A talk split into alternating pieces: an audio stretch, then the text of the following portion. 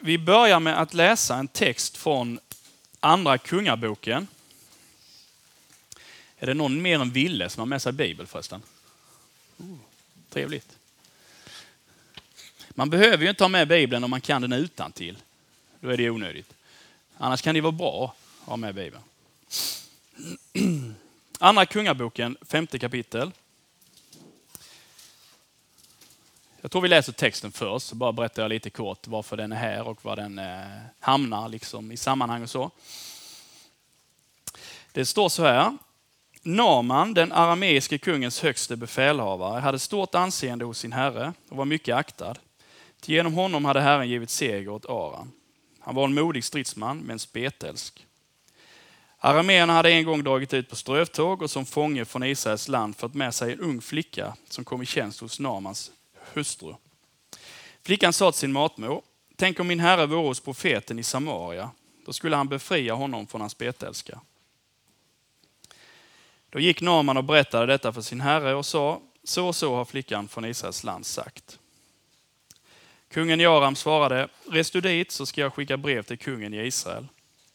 Så for Naman iväg och tog med sig tio talenter silver och 6000 siklar guld och dessutom tio högtidsdräkter. Han överlämnade brevet till Israels kung och där stod Samtidigt med det här brevet har jag sänt min tjänare Naman till dig för att du ska befria honom från hans betälska. När Israels kung hade läst brevet rev han sönder sina kläder och sa Är jag då Gud så att jag skulle kunna döda och göra levande? Eftersom denne sände bud till mig att jag ska befria en man från hans betälska. Lägg nu märke till och se hur han söker strid med mig. När gudsmannen Elisa hörde att Israels kung hade rivit sönder sina kläder sände han bud till kungen och lät säga Varför har du rivit sönder dina kläder? Låt honom komma till mig så ska han förstå att det finns en profet i Israel. Så kom Naman med sina hästar och vagnar och stannade vid dörren till Elisas hus. Då sände Elisa ut ett bud till honom och lät säga Gå iväg och tvätta dig sju gånger i Jordan så ska ditt kött bli friskt igen och du blir ren. Men Naman blev vred och for sin väg och sa jag trodde att han skulle gå ut till mig och träda fram och åkalla Herren sin Guds namn och föra sin hand fram och åter över stället och så ta bort spetälskan. Är inte Damaskus floder, Abana och Parpa bättre än alla vatten i Israel? Då kunde jag ju lika gärna tvätta mig i dem för att bli ren. Så vände han om och får sin väg i vrede. Men hans tjänare gick fram och talade till honom och sa, min fader, om profeten hade begärt något svårt av dig, skulle du då inte ha gjort det? Hur mycket mer nu då han endast har sagt till dig, tvätta dig så blir du ren. Då får han ner och doppade sig i Jordan sju gånger, så som gudsmannen hade sagt, och hans kött blev friskt igen som en ung pojkes kött, och han blev ren. Därefter vände han tillbaka till gudsmannen med hela sitt följe och gick in och kom fram till honom och sa, Se nu vet jag att det inte finns någon Gud på hela jorden utom i Israel. Ta nu emot den gåva av din tjänare. Men han svarade, så sant Herren lever, han som jag tjänar, jag vill inte ta emot något. Fastän han om och om igen bad honom att ta emot så ville han inte. Då sa Naman, om du inte vill det så låt din tjänare få så mycket jord som ett par mulåsnor kan bära. Till din tjänare vill inte mer offra brännoffer och slaktoffer åt andra gudar, utan endast åt Herren. Detta må dock Herren förlåta din tjänare. När min herre går in i Rimmons tempel för att där böja knä och han då stöder sig vid min hand, och jag också böjer knä där i Rimons tempel. Må då Herren förlåta din tjänare när jag böjer knä i Rimons tempel. Elisa sa till honom, gå i frid. Mm. Vi stannar där. Berättelsen fortsätter, kan ni läsa med något annat tillfälle. Detta är en berättelse, det utspelar sig ungefär på 800-talet, någon gång under 800-talet, innan Jesu födelse. Aram, arameerna, som Naman var en del av, Eh, nuvarande Syrien. Eh, och har ni lite koll på det som händer sen i GT så kommer ju assyrierna och erövrar Israel 722 någonting tror jag det är, eller 21 eller vad man brukar säga. Och det är, de tar ju först Aram då, alltså Syrien och sen så fortsätter de mot Israel. Så. I GT så är det tre stora folk som nämns som Guds folks fiende. Det ena är ju då assyrierna, det första storriket. Sen är det babylonierna. Daniel i lejongropen, han är i Babel. Och sen är det perserna. Perserna erövrar Babel. Och sen kungen i Persien gör så att eh, templet i Jerusalem kan byggas upp igen. Men det var ju tre enormt stora riken. Och när man läser Gamla Testamentet så märker man att Israels folk, eller det judiska folket, är liksom inte helt borta från det som händer i storpolitiken, om man tänker så. Det vi läser om i Gamla Testamentet, det, har, det är liksom inflätat i det som är världens stora händelser då. Det är rätt så intressant faktiskt. Alltså Gud, Gud använder folk och mäktiga personer för att göra det som är Guds syften. Alltså assyrierna, babylonierna, perserna. De utför ju på något sätt Guds uppdrag även om de inte har någon, en aning om Gud, vem Gud är. Det är rätt så intressant faktiskt. Och vi tänker oss att Gud idag hade använt Barack Obama för att gå Breanäs missionsgårds syften. Är ni med? Det är lite så ofattbart det är. Barack Obama kommer hit och så känner han doften där nere vid fotbollsplanen, luktar avlopp. Så säger han, vi tar lite pengar från statsbudgeten i USA så gör vi ett nytt avlopp här istället. Så blir vi vinnare på det. Du är inte med alls. Avlopp är ju då... Eh, nej. Men det är en rätt så häftig tanke faktiskt. När Gud väljer Abraham så är det ju en människa han väljer för att alla människor ska kunna frälsas och räddas. Och när, sen det folk, när Abrahams liksom efterkommande blir ett folk så blir det egentligen ett litet folk som är helt beroende av att Gud beskyddar dem och bevarar dem och välsignar dem. Men ibland så plockar Gud in de mäktigaste personerna i världen för att liksom fostra sitt folk eller korrigera sitt folk så, eller hjälpa sitt folk. Så det är rätt så spännande. Och här kommer då Naman som är en av de högsta i Aram då, alltså i Syrien kan vi säga, så det är lättare. Och så har han spetälska. Spetälska är ju eh, kort och förenklat att eh, kroppen ruttnar bort helt enkelt. Monty Python har en scen med massa spetälska, de tappar kroppsdelar överallt. Jag vet inte om ni har sett den. Anders har sett den. Jag pratar egentligen inte Anders nu. Rätt så festlig. Tappar lite fingrar, och tår och öron och så. Näsor. Det var ju en fruktansvärd sjukdom.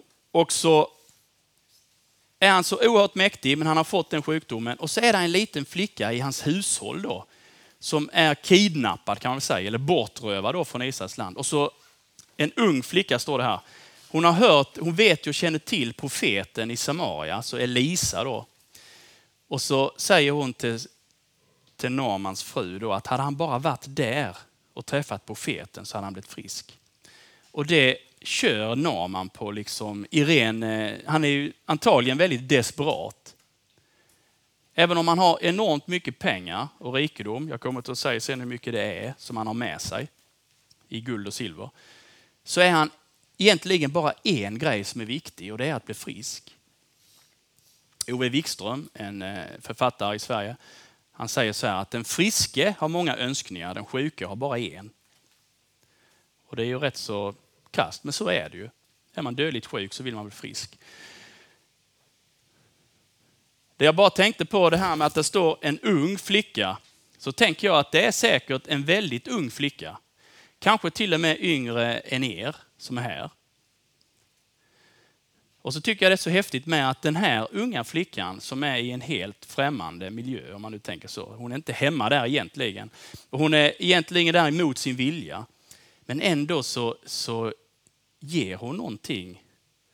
Eh, ytterst sett så ger hon ju någonting eh, av Herren egentligen. Hon säger att om du bara kan ta dig till profeten. Profeten var ju ska man säga, språkrör för Gud. Ju. Kunde han bara komma närmare Gud så kan Gud hela honom, är ju poängen.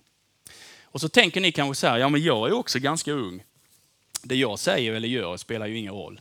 Men i Bibelns berättelser så är det väldigt många människor som är, vad ska man säga, om vi är ett gäng här så står det någon bortglömd, halvgömd person där inne som är väldigt liten och eh, anonym och eh, kanske inte så eh, våldsamt jättebra. Många gånger så använder Gud det som är lite sådär vid sidan om.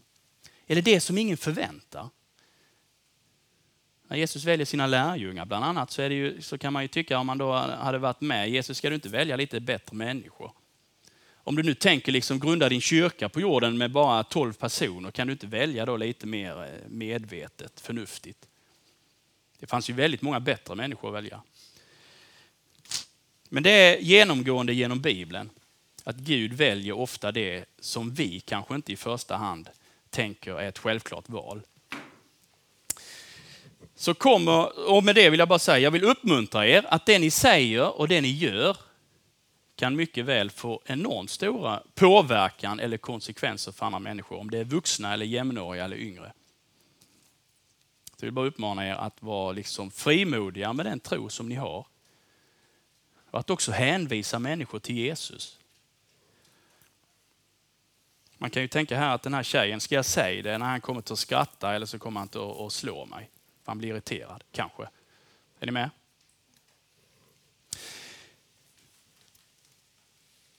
Det vi kan säga mer om Naman är ju att egentligen så är han ju en fiende till Guds folk. Alltså de går ju in i Israel med lite soldater och så plundrar de och rövar och så sticker de hem igen. Så här.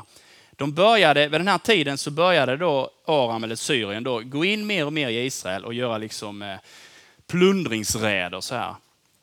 Och för en jude då, som tillhör det judiska folket, så blev det egentligen obegripligt lite. För då tänkte man som jude så här, hur kan du Gud tillåta att det här folket som inte har lagen och som inte känner dig och har massor med gudar i sitt tempel som inte är några gudar. Alltså de är avgudadyrkare. De är fiender till oss och därmed ytterst sett så är de fiender till dig Gud. Om vi nu är ditt folk så är de ju inte bara fiender till oss utan de är ju fiender till dig. Så att det en, judarna såg vid den här tiden var ju att ett folk som är helt ute och cyklar och som är liksom förkastligt ur Guds perspektiv egentligen. De kan komma in bland Guds folk och ställa till elände och mörda och plundra och greja. Och egentligen så är det ju ytterst sett mot Gud som de gör det. Den tanken är rätt så viktig. Alltså angriper man Guds folk så angriper man Gud. Och det ska vi ha med oss liksom in i den här berättelsen, för det är ju rätt så, det är ju... Den här Naman läste vi ju nu, att han blev ju botad. Alltså Gud gör ju den här gudsfienden frisk. Är ni med? Och då blir det ju ännu lite konstigare egentligen. Vi tänker oss någon i... Eh, är det någon här inne, behöver inte handuppräckning kanske, men ni kan göra lite så, så ser jag det. Är det någon här inne som har någon i er närhet som är väldigt irriterad på att ni är kristna? Just det, det fanns någon i alla fall. Jag säger inte vem. Det kan vara rätt provocerande om vi tänker oss då att Gud hade kommit och så blir han liksom jättemjuk och eh, välsignande mot den här personen. Då. Är ni med? Det kan ju vara rätt svårt för oss. Jo, men han hatar ju mig. Han mobbar ju mig för att jag är kristen ska han liksom också bli liksom föremål för din godhet. Det är ju horribelt. Förskräckligt. Mm. Det står också att Herren har givit seger åt Aram genom den här mannen Naman. Och då vill jag också säga så här, hur det än ser ut i världen så är det ändå Gud som styr och ställer. Läser man gamla testamentet rakt igenom så kan man läsa som jag sa om det assyriska riket som var gigantiskt stort och en brutal armé Babyloniska riket menar man var också väldigt brutal, men kanske inte riktigt så brutal som assyrierna. Och sen perserriket var med också väldigt brutalt. Alltså man, det var ett enormt rike. Alla de här tre rikena var väldigt stora. Och det är Gud som ändå håller i trådarna. Det är Gud som på något sätt ändå, det är okej okay, en viss tid, sen är det inte okej okay längre och då kommer någon annan. Va? Alltså Gud styr i det som händer på denna jorden. Även om det kan tyckas som att att det är ondskan helt och hållet som styr, eller Guds fiender som har liksom makten på jorden. Men ytterst sett så är det Gud som har allting i sin hand. Ingenting händer utan att Gud tillåter det. Och Det kan ju bli ett problem för oss som kristna ibland. Varför tillåter Gud detta?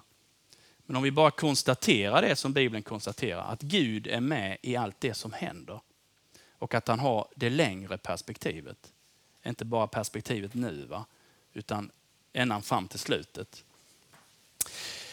Och så är han spetälsk och så kommer han dit och så tar han med sig lite grejer som kan vara bra att ha. Han tar ju med 10 talenter silver. Någon som har någon aning om hur mycket det är? talenter? Är det någon som kör den vikten fortfarande? Nej. Jag ska inte säga hur mycket det är så, men jag kan säga hur mycket det hade varit i dagens penningvärde, för jag kollade lite på det. I silver så var det ungefär 350 kilo. Och i dagens silverpris, just nu, så blir det 570 000 ungefär. Då. Det hade han i silver. Sen hade han i guld, 72 kilo guld. Är det någon som har ett halsband som väger 72 kilo i guld? Är det inte? Jag har mest silver här ser jag. Guld är ju värt rätt så mycket mer. Han hade 6,6 miljoner i guld. Det var vad han tog med sig för att bli frisk. Och det är ju rätt så naturligt. Man tänker att nu är det någon som har tipsat mig att åker man dit så kan man bli frisk. Då gäller det att göra rätt för sig och betala lite så här. Och blir jag frisk så är det ju värt väldigt mycket. Jag plockar med mig lite silver och lite guld. Så. Tillsammans så blir det ju över 7 miljoner. Över 7 miljoner i dagens pengar. Det är rätt så mycket. Det hade nog varit rätt så gött för profeten med. De var ju ofta inte så rika. Det gjorde nog en viss skillnad i hushållskassan så att säga. Och han kommer dit med betalningen och han, han har också sin bild av hur, hur, hur det ska gå till. Tänkte ni på det när jag läste? Han kommer till profeten, han går via kungen, men det struntar vi i nu. Men poängen var ju att kungen skulle säga till profeten. Tänker jag mig att det är. Va? Kungen har makt i landet. Han åker till kungen, säger nu till profeten och gör mig frisk och så har jag betalningen med mig här. Och kungen blir livrädd för han tror att det är han som ska göra han frisk. Eh, men så kommer han till profeten och så har han betalningen med sig och så har han sin förväntan, så här kommer det att gå till. Och Elisa då, ett enkelt hus ute på landet, skickar ut sin tjänare och så säger tjänaren att gå och doppa dig i Jordan sju gånger så blir du ren. Och så står det ju att Norman han blev ju riktigt eh, irriterad och arg. Han bemödar ju inte ens sig att gå ut och möta mig eller säga hej. Och jag tänkte ju att han skulle liksom komma så här då, om du är spetälsk från örat och neråt, så skulle han liksom dra handen så här och så mumlar han lite. Och sen blir det frisk då. Det var så det skulle gå till. Och så blev det en helt annan grej. Och han vänder om och han blir riktigt irriterad. Och så tänker han att Jordan, den här lilla bäcken här nere, alltså Jordan är ju inte så stor. Jordan är ju mycket mindre än Almaån. Och då tänker ni Almaån, men det känner de till som bor i Hanaskog. Jordan är ju egentligen bara en liten bäck bitvis. Och rätt så grumlig. Det är lite fallhöjd och så drar det med lite slam och så här. I Syrien däremot så är det ju berg på rätt så många ställen runt om. Där rinner ju ner mäktiga floder med mycket klarare vatten egentligen. Så det fanns, han, hade, han hade ju en poäng i det. Det finns ju mycket bättre vatten mycket bättre floder i Syrien än den här lilla eh, skitiga bäcken här nere. Alltså. Men så säger hans, en av hans tjänare lite försiktigt så här då att jo, men är det ändå inte lite så här att nu när han sa att du skulle göra någonting som är väldigt enkelt så blir du liksom irriterad och tänker att då behöver jag inte göra det. Men om han hade sagt att du skulle göra något riktigt svårt, då hade det varit lättare att göra det. Kan ni känna igen er själva där lite? Vet jag inte riktigt vad jag ska koppla det till, va? men om vi kopplar det till det som har med kristen tro att göra, så kan man kanske tänka så här ibland att om man på något sätt ska vara medspelare eller med i det som händer i mitt andliga liv, så är det ju bättre om det är något svårt eller det har bättre effekt eller slutresultatet blir bättre eller större om det på något sätt är, kräver mer. Är det någonting väldigt enkelt som man kanske kan göra med en axelryckning och med vänsterhanden, så är det, ja, men det är väl inte så betydelsefullt. Alltså det betyder ju inte så mycket. Är ni med på den tanken lite? Jag kommer in lite mer på den sen. Ni behöver inte vara med på den tanken. Eh, så var det i alla fall och då gör han det ändå. Då låter han sig övertalas där och så gör han det och så blir han frisk då. Han fick som en ung pojkes kött. Det är ju många unga pojkar här då. Fina och mjuka och aprikoshy. Liksom så. Det är vackert. Ja. Så blir det för Naman med. Och då inser han att det finns ingen annan gud på hela jorden. Alltså i Syrien så hade de ju sina tempel. Rimmons tempel nämner han här, en av de högsta gudarna. Och så, det var enormt mycket gudar i templen och så inser han att det finns egentligen bara en gud som är Gud. Och det är den guden som ni har i Israel. Och då vill han betala. Profeten Elisa vägrar att ta emot, men han är envis. Han är ju helt uppfylld av det här nu. Han har ju fått vara med om det som han helst av allt önskar och behöver. Och de här över sju miljonerna i metall vill han liksom riktigt truga på profeterna. Man kan ju tänka sig om man har sju och en halv miljon här i, i handen och så säger jag, vill du ha den? Nej, det vill jag inte. Nej, okej. Okay. Är ni med? Nej, han har fått vara med om något så helt fantastiskt. Och det som han innerst inne ville. Men profeten gör som det egentligen är tänkt, som Herren har befallt va? och som Jesus också kommenterar. Eh, och, och apostlarna. Va? Att det som vi har fått, om vi nu tänker oss tron, gemenskapen med Herren, va? det vi har fått, det ska vi ge vidare. Eh, vi har fått det gratis och vi ska också ge vidare det gratis. Vi ska inte säga så till våra klasskompisar, ge mig 25 spänn så ska jag vittna lite om Jesus. Eh, det är inte rätt väg. va? Idag är det kanske tvärtom. Om jag ger dig 25 spänn, kan du tänka dig att lyssna på mitt vittnesmål? Så kan man också säga. Testa det någon gång. Naman är en fiende till Gud. Han kommer in bland Guds folk. Gud möter honom med, genom att hela honom, göra honom frisk. Och han gör det på ett väldigt enkelt sätt och han slipper betala. Och så är det så med berättelserna i Bibeln, att det berättar om någonting som faktiskt har hänt. Samtidigt också så fortsätter vi i kristna kyrkan att läsa de berättelserna för vi tror och förväntar också att i den berättelsen vi läser så har Gud någonting att säga till just oss idag. Ibland kanske ni har tänkt så här när någon undervisar. Han läste, han läste två verser ur Bibeln och så predikade han i 50 minuter om de två verserna. Det kan ju tyckas lite obalans. va? Här är 25 ord i de här verserna och så predikar han i 25, 25 000 ord. Kan det stå så mycket i de verserna? kan man ju tänka då. Men i Bibelns berättelse ligger tilltal och ligger också undervisning ibland. Samtidigt som berättelserna kan vi inte göra en lära av. Alltså om vi gör en lära av detta då så kan man säga att är man spetälsk så ska man åka ner till Samaria och så ska man leta rätt på en profet och så ska man bada i Jordan så är man frisk. Det blir en lära av detta. Va? Nej, man kan inte göra en lära av berättelserna. Det får vi göra av det som är de undervisande texterna i Bibeln. Men vi kan lära oss någonting av detta, hur en människa kan få bli helad och upprättad. Och hur du och jag kan få bli helade och upprättade. Om vi nu, som man ska göra ibland när man läser Bibeln, inte alltid behöver man inte göra det, men ibland. Om vi sätter in oss själva i den här berättelsen då, om jag sätter in er i den här berättelsen och jag sätter in mig själv i den här berättelsen. Vem är jag och vem är ni? Kan man ju tänka då. Johannes Arvidsson, du är den här profetkärnan. Om vi hade läst vidare sen så är det ingen smickrande berättelse kan man säga.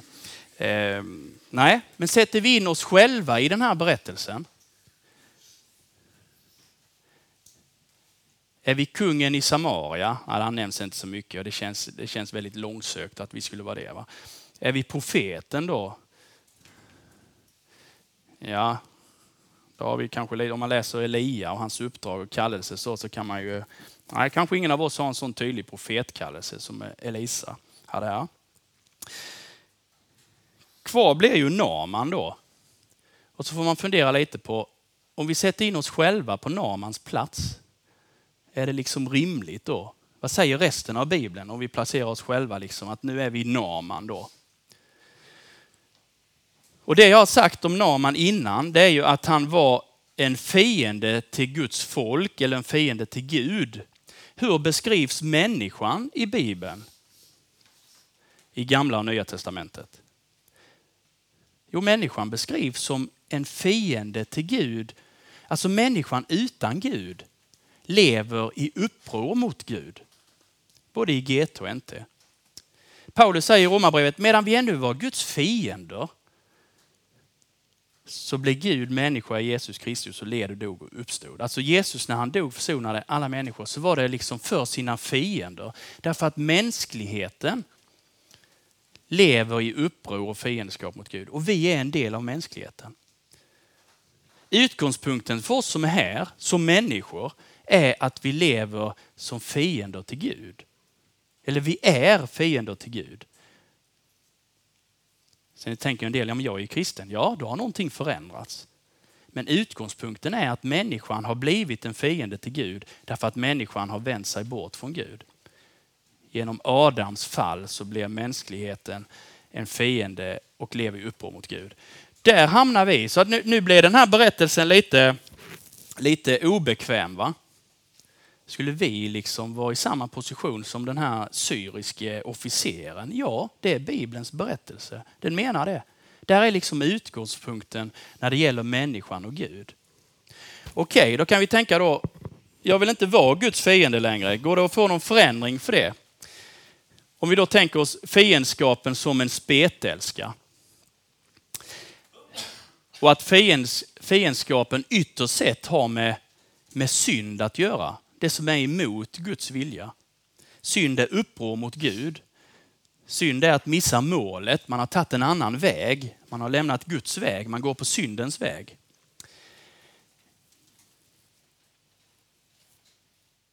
Nu tänkte jag här i hjärnet på om det var Anders som sa någonting eller Jakob. Jag ska se om jag kommer på det sen, men nu kommer jag mig i tanken. Vi lever i uppror mot Gud, spetälska. Synden ses som en dödlig sjukdom. Om man läser Paulus brev till romarna så beskriver han synden som man kan dra parallellen med att synden är liksom som en dödlig sjukdom som har ockuperat oss som människor. Alltså den finns i oss och den pulserar och den leder oss till död. Det är liksom syndens det är det som synden gör med en människa. Slutstationen är liksom evig död borta från Gud. Det är slutstationen. Det är syndens lag. Alltså per konsekvens. Är det synd så är liksom, ja, den automatiska konsekvensen är liksom slutstation evig död.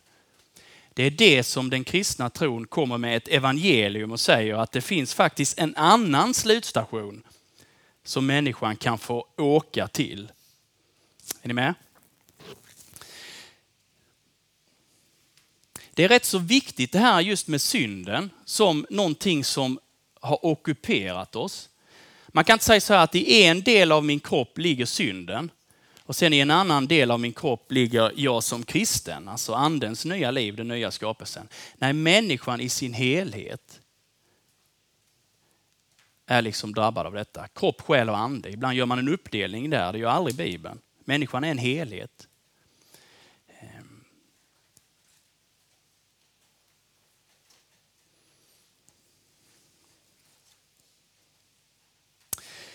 Martin Luther sa så här en gång att en människa är på en gång rättfärdig men också syndare. Alltså den dubbelheten ligger hos en kristen.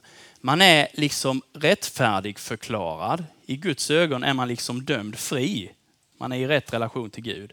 Samtidigt, så länge vi lever här på jorden, så får vi leva kvar i vår kropp ju.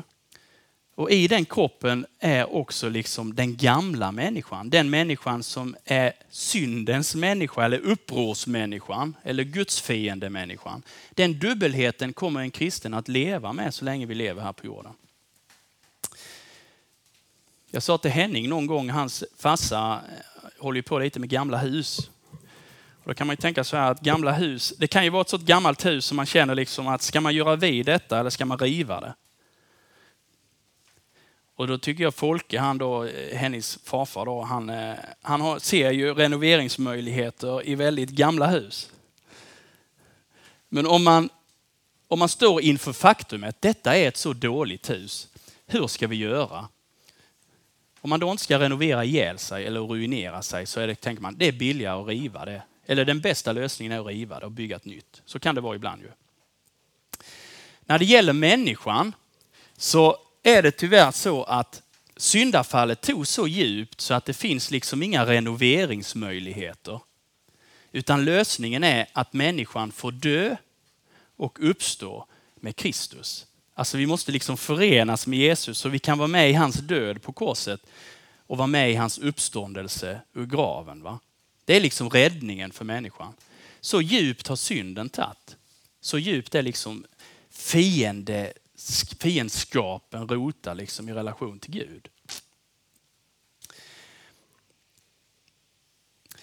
Om vi då tänker Naman som Guds fiende, han möts ändå av det som han längtar efter, det han behöver, det som han innerst inne vill. Han vill bli frisk. Gud gör honom frisk. Fast att han på ett sätt ur mänskligt perspektiv inte förtjänar det ju.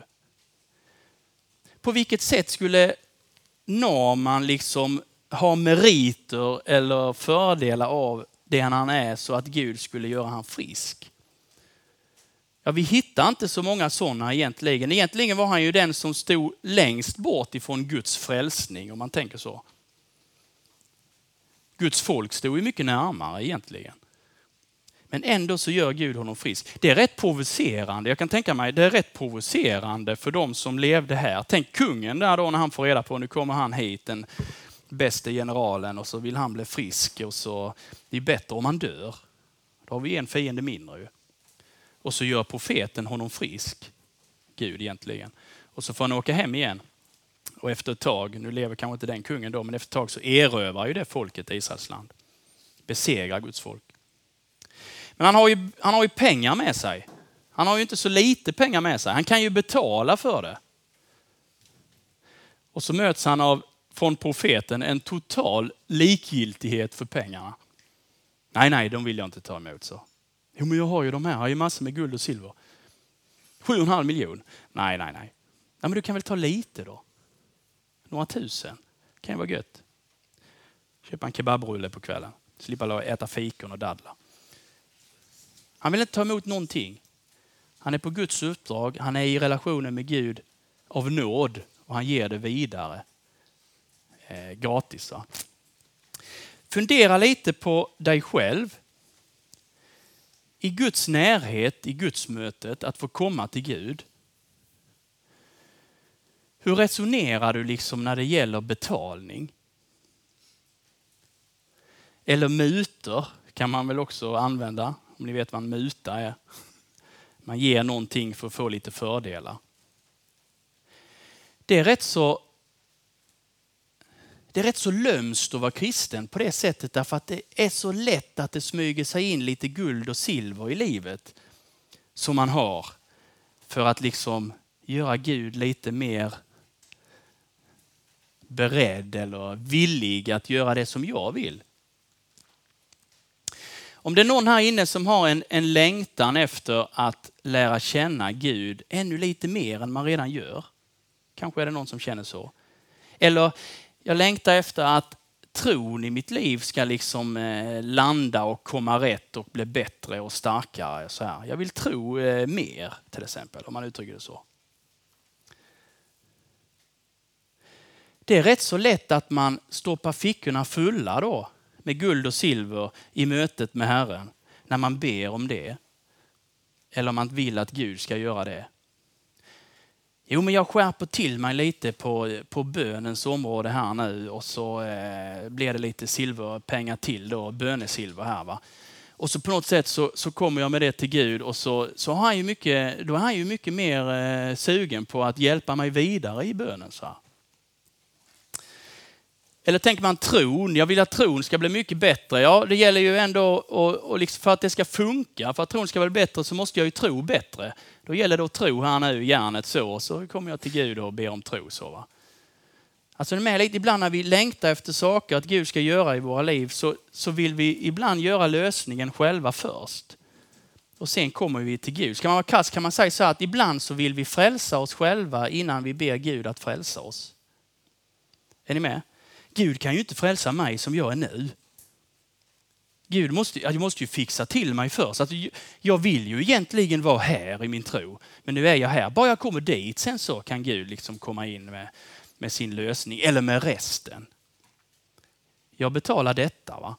och sen så får Gud liksom lägga till det som egentligen är omöjligt. Men det här klarar jag nog själv. Är ni med? Det är en kalkylering, en beräkning. Och då är det genast en, en lagisk väg om vi tänker eh, som Jakob uttrycker det. Mannen i den här berättelsen, Naman, han kommer och ber om att bli helad och frisk. Och i det så får han också upptäcka och möta Gud. Och så inser han att det finns bara en Gud som är Gud och det är Gud i Israel. Egentligen vill han bara bli frisk. Men på ett sätt så blir han ju en troende också. Nu vill han inte dyrka de andra gudarna som människor har gjort och tillverkat av guld och silver och trä och så. Utan nu vill han liksom dyrka Gud istället. Det var egentligen inte hans förväntan. Det finns så enormt många ställen i Bibeln där människor närmar sig Gud av jättemånga olika anledningar. Man söker sig till Gud, eller i evangelierna, man söker sig till Jesus och ber om hjälp om någonting. Och så möter Jesus dem ofta med så enormt mycket mer. Och när vi då läser de berättelserna och sätter in oss själva i den, kommer jag till Jesus och ber om någonting som kanske inte är så jättestort, så får vi också förvänta oss eller räkna med eller hoppas på att Gud ger oss så mycket mer och så mycket bättre. Nu tänker jag på trons område här. Om jag i relation till Gud och jag längtar efter att tro på dig ännu mer Jesus, att få se dig ännu tydligare. Så behöver jag inte komma med så mycket. Jag behöver inte ha fickorna fulla av guld och silver. Och jag behöver inte göra mig bättre själv först, utan jag får komma som jag är just nu. Evangelium, det glada budskapet, är alltid ett just nu. Så just nu när vi sitter här så är evangeliet om Jesus Kristus en verklighet för dig, där du är just nu. Sen kanske du har tänkt den här helgen att ja, men jag är ju inte så bra kristen och jag har inte ordning på det och det i liksom det kristna livet och som man skall göra och som man skall be och som man skall läsa och som man skall vittna och det ena med det andra. Jag är ju inte alls där. Nej, men när evangeliet om Jesus predikar om frälsning och förlåtelse och nåd och helande och upprättande för människan så gäller det just nu när man hör det, när man läser det. Och den evangeliet griper oss där vi är just nu. Inte där vi önskar att vi skulle vilja vara. I vår längtan efter att vara bättre kristna. Evangeliet liksom omfamnar oss. Inbjudan från Jesus till gemenskap med honom och leva i tro på honom. Det gäller just nu. Så får du egentligen vara precis hur du vill eller är just nu. På ett sätt kan jag säga så här, Jesus han skiter i hur du har det med din kristendom just nu. Det han vill göra just nu är att han vill ge dig frälsningens hela gåva av nåd fullt ut nu. Och vi uppmanas när vi hör detta att ta emot det i tro att öppna oss för det. Tack gode Gud att det gäller också mig just nu. Jag vill vara din just nu. Och sen får du lära mig att tro på dig och följa dig. Va? Är ni med? Det är så han kallar sina lärjungar. Kom och följ mig. Och så är poängen, jag ska göra er till människofiskare. Och innan dess så får de tron på Jesus. Ju och sen så är det uppdraget där Herren är med. Men det är så oerhört viktigt att budskapet i evangelium, att det finns frälsning för människan i Jesus Kristus, det gäller den människa som hör det i stunden. Och sen får man vara precis hur man vill just då när man hör det. För det är för, du, för dig som hör det just nu. Anledningen till det är att när Jesus dör och uppstår på korset så gör han frälsningen färdig. De hade ju ett paket här, eh, ungdomsledarna, igår. Det var ett stort paket, sen vet jag inte vad det var i. Vad var det i? Ja, chips. Bättre med en Vasa Sport och Bibel, ja. Fy vad gött. Livets bröd och livets bröd. Mm. När Gud gör frälsningen färdig för oss människor så är det som ett stort paket som är komplett. När det gäller din frälsning, ska du bli frälst, så finns det ingenting kvar för dig att göra. För allting är redan gjort. Kom ihåg det. Det finns liksom inget kvar för dig att göra när det gäller frälsningen, för det har Jesus gjort helt färdig för 2000 år sedan. Har han gjort den färdig.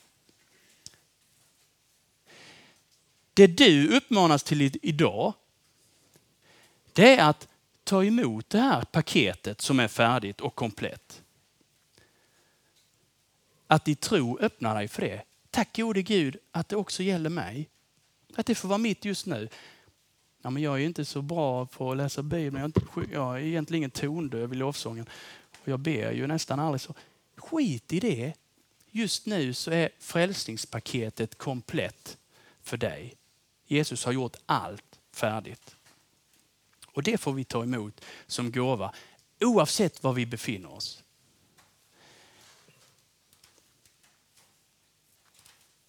Så tänker någon så här, jo men ska man ändå inte som kristen, ska man ju ändå göra vissa grejer så. Ja, men när Jesus har fått bliva, bli en del i mitt liv så vill han också skapa en vilja i oss som är liksom i riktning mot det som Gud har tänkt att en kristen behöver för att leva i en relation med honom. Men också leva som en kristen på det, mitt i denna världen. Va? Och då ingår de fyra bena. Men det blir fel om vi på något sätt nu är det upp till mig att leva i de fyra benen. Ja, till viss del så, va? men det är någonting, lev med Jesus i tro på honom. Tacka honom för att frälsningen är liksom 100% för dig fullt ut, oavsett hurdan du är. Så kommer också Gud att, att trycka fram en vilja som är mer eller mindre stark eller eh, halvstark i den riktningen. Så fortsätter du att leva i tro på Jesus, fortsätter du att tacka Gud för frälsningen. Tack gode Gud att jag idag också får vara din. Tack gode Gud att din nåd är ny också idag. Att frälsningen är en verklighet för mig idag. Så kommer Gud också att göra sitt verk i ditt liv så att du mer och mer lever i det som är de fyra benen. Till dig som aldrig har känt en längtan efter att läsa Bibeln.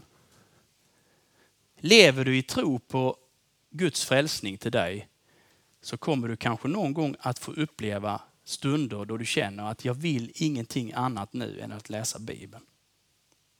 Och det är inget som du har bestämt dig för intellektuellt, utan någonting som har blivit en konsekvens av att du lever i tro på Jesus.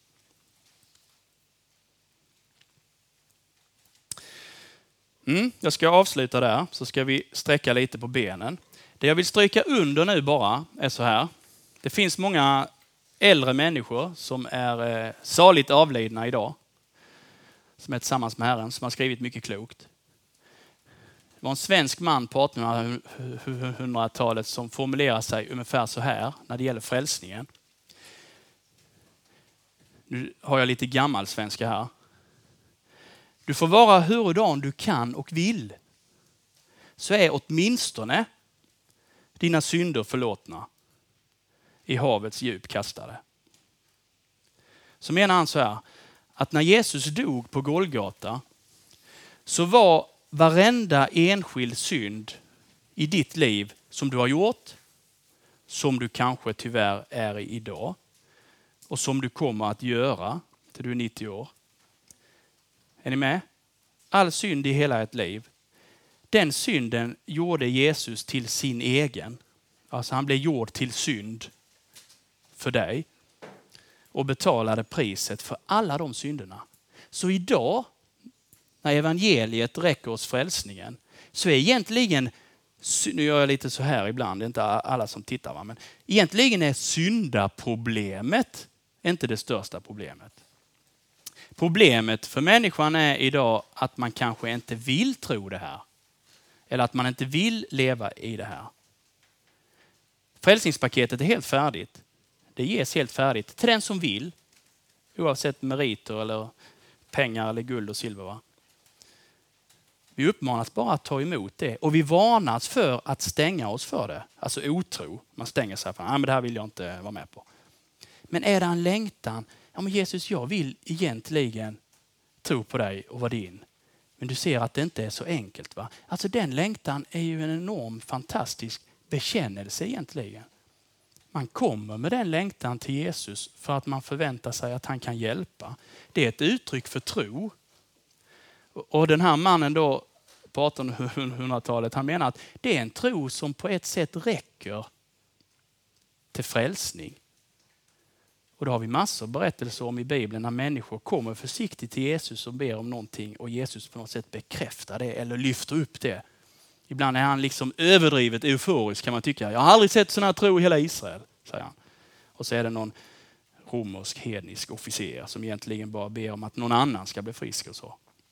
Är ni med lite? Men i att han söker upp Jesus så är det också en bekännelse i det. Jag tror att du kan hjälpa mig och jag kan inte hjälpa mig själv.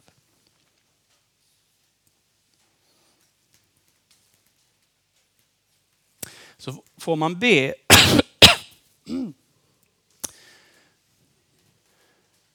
så får man be om att Guds ande lägger det här liksom till rätta i ens hjärta, i ens inre. Va? Kom du helige ande och, och låt det här få bli liksom en verklighet i mitt liv också. Ni som hörde CV igår, det var rätt så många va? Vad ska vi göra för att utföra Guds verk? Vad ska vi göra för att utföra Guds gärning? Står det i en annan översättning att judarna frågar Jesus. De har lyssnat på Jesus. Men vad ska vi göra för att göra det som Gud vill att vi ska göra? Alltså, är, är ni med? va? Och Jesus vänder på det. Detta är Guds gärning, att ni tror på den som han har sänt. Alltså, Jesus säger så här, det är Gud som gör det möjligt för en människa att tro på Jesus. Och Det säger Jesus på så enormt många ställen. Därför måste människan få möta evangeliet så att Gud kan kalla och dra i den människan. Det ni har fått lyssna på nu. Och så kanske det väcks en längtan att ge ett gensvar på den dragningen som Gud har börjat göra.